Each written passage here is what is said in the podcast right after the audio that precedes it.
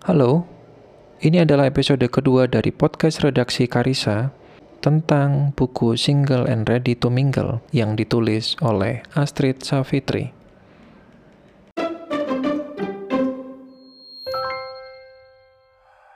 Bab 2 Pakai cincin nikah?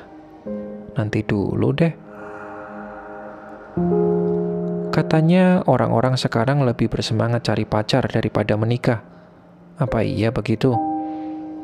Sebagai generasi yang lahir berselimut teknologi, cari pacar pun dilakukan dengan memanfaatkan teknologi. Apa yang dulu dikenal dengan biro jodoh sekarang berubah menjadi Tinder, Tantan, Bitol, atau aplikasi dating online lainnya.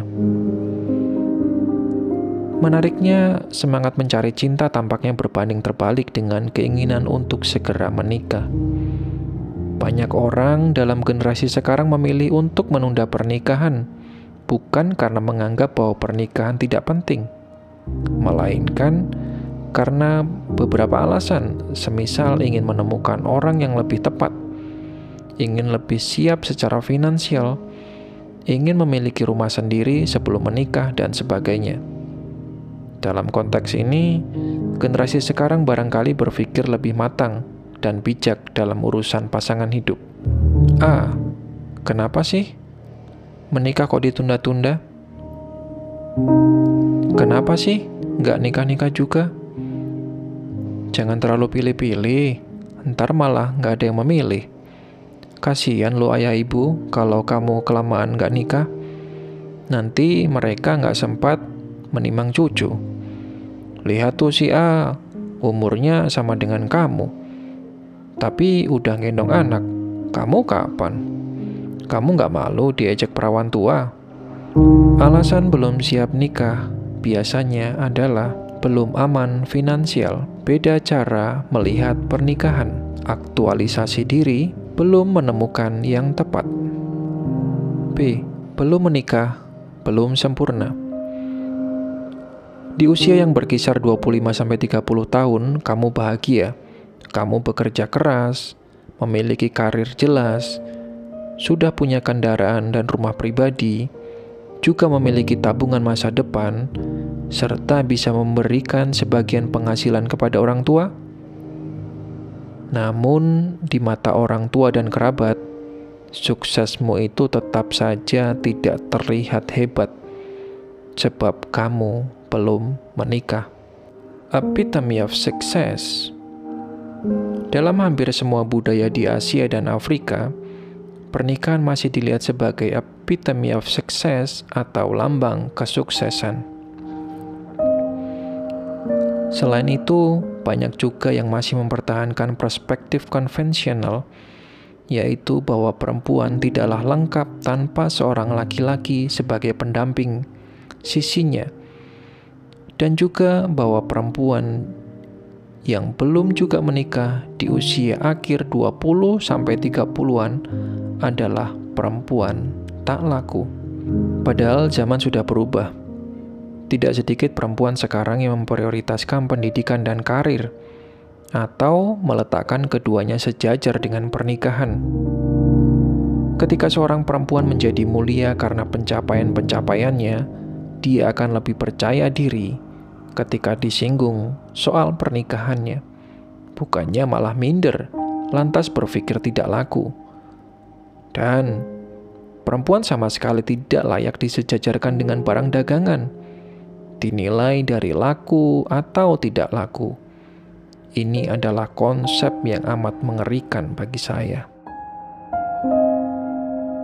Perempuan sudah cukup menghadapi tekanan sosial harus sering berurusan dengan seksisme sehari-hari dan obsesi akan kesempurnaan media sosial. Desakan dari orang-orang tercinta yang memaksa perempuan melakukan sesuatu yang seharusnya terjadi secara alami benar-benar melelahkan. Pernikahan seharusnya terjadi sekali seumur hidup. Jadi, Kenapa terus didesak untuk terburu-buru? Segera versus ketika waktunya tepat.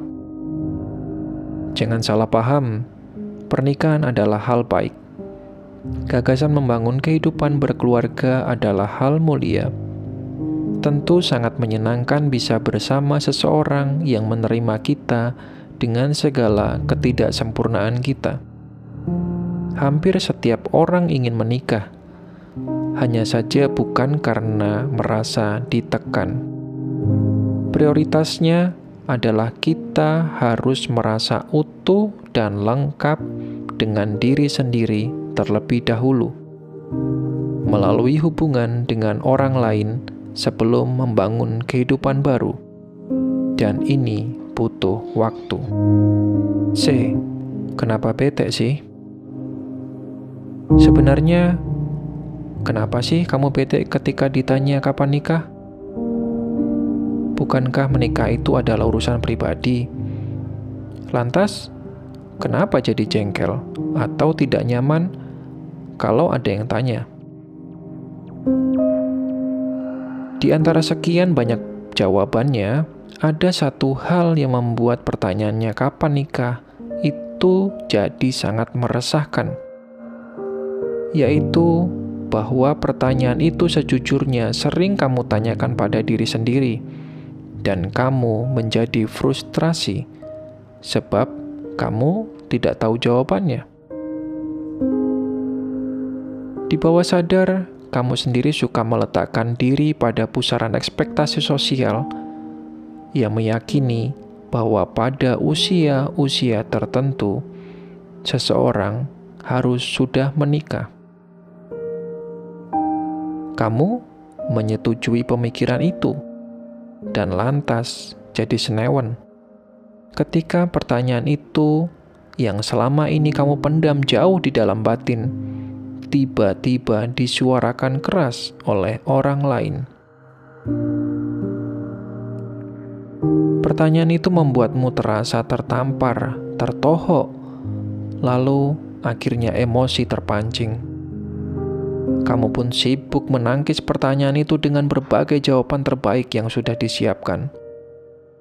Padahal, kalau pertanyaanmu itu tidak mengusikmu, kamu tidak akan repot-repot pasang strategi, bukan? Dengan kata lain, sebetulnya kamu tidak perlu merespon secara negatif pertanyaan tersebut. Kamu hanya perlu mindset dengan mengatakan pada diri sendiri bahwa bagaimanapun kamu menafikannya, tuntutan dan ekspektasi sosial mengenai pernikahan itu memang nyata, tetapi tidak berlaku untuk setiap orang. Setiap orang memiliki garis waktu masing-masing. Ada yang hidupnya sukses sejak usia muda, dan ada yang baru sukses setelah usia 40 tahun. Ada yang sudah tinggal di luar negeri sejak balita. Ada juga yang baru sekali menginjakan kaki di negara lain pada ulang tahun ke-70. Ada yang melahirkan anak di usia 19 tahun dan ada yang baru memiliki anak di usia 35 tahun. Ada yang menikah di usia 20 tahun atau 30 tahun atau bahkan 40 tahun. Itu adalah isi dari bab kedua di buku Single and Ready to Mingle yang ditulis oleh Astrid Savitri Buat kamu yang mau tahu lebih lanjut tentang buku ini, kamu bisa membelinya langsung di Shopee Mall Karisa Publisher Official Shop. Buat kamu yang gak mau ketinggalan promo-promo buku terbaru dari buku Karisa, jangan lupa follow Instagram buku Karisa ya. Sampai jumpa di episode ketiga.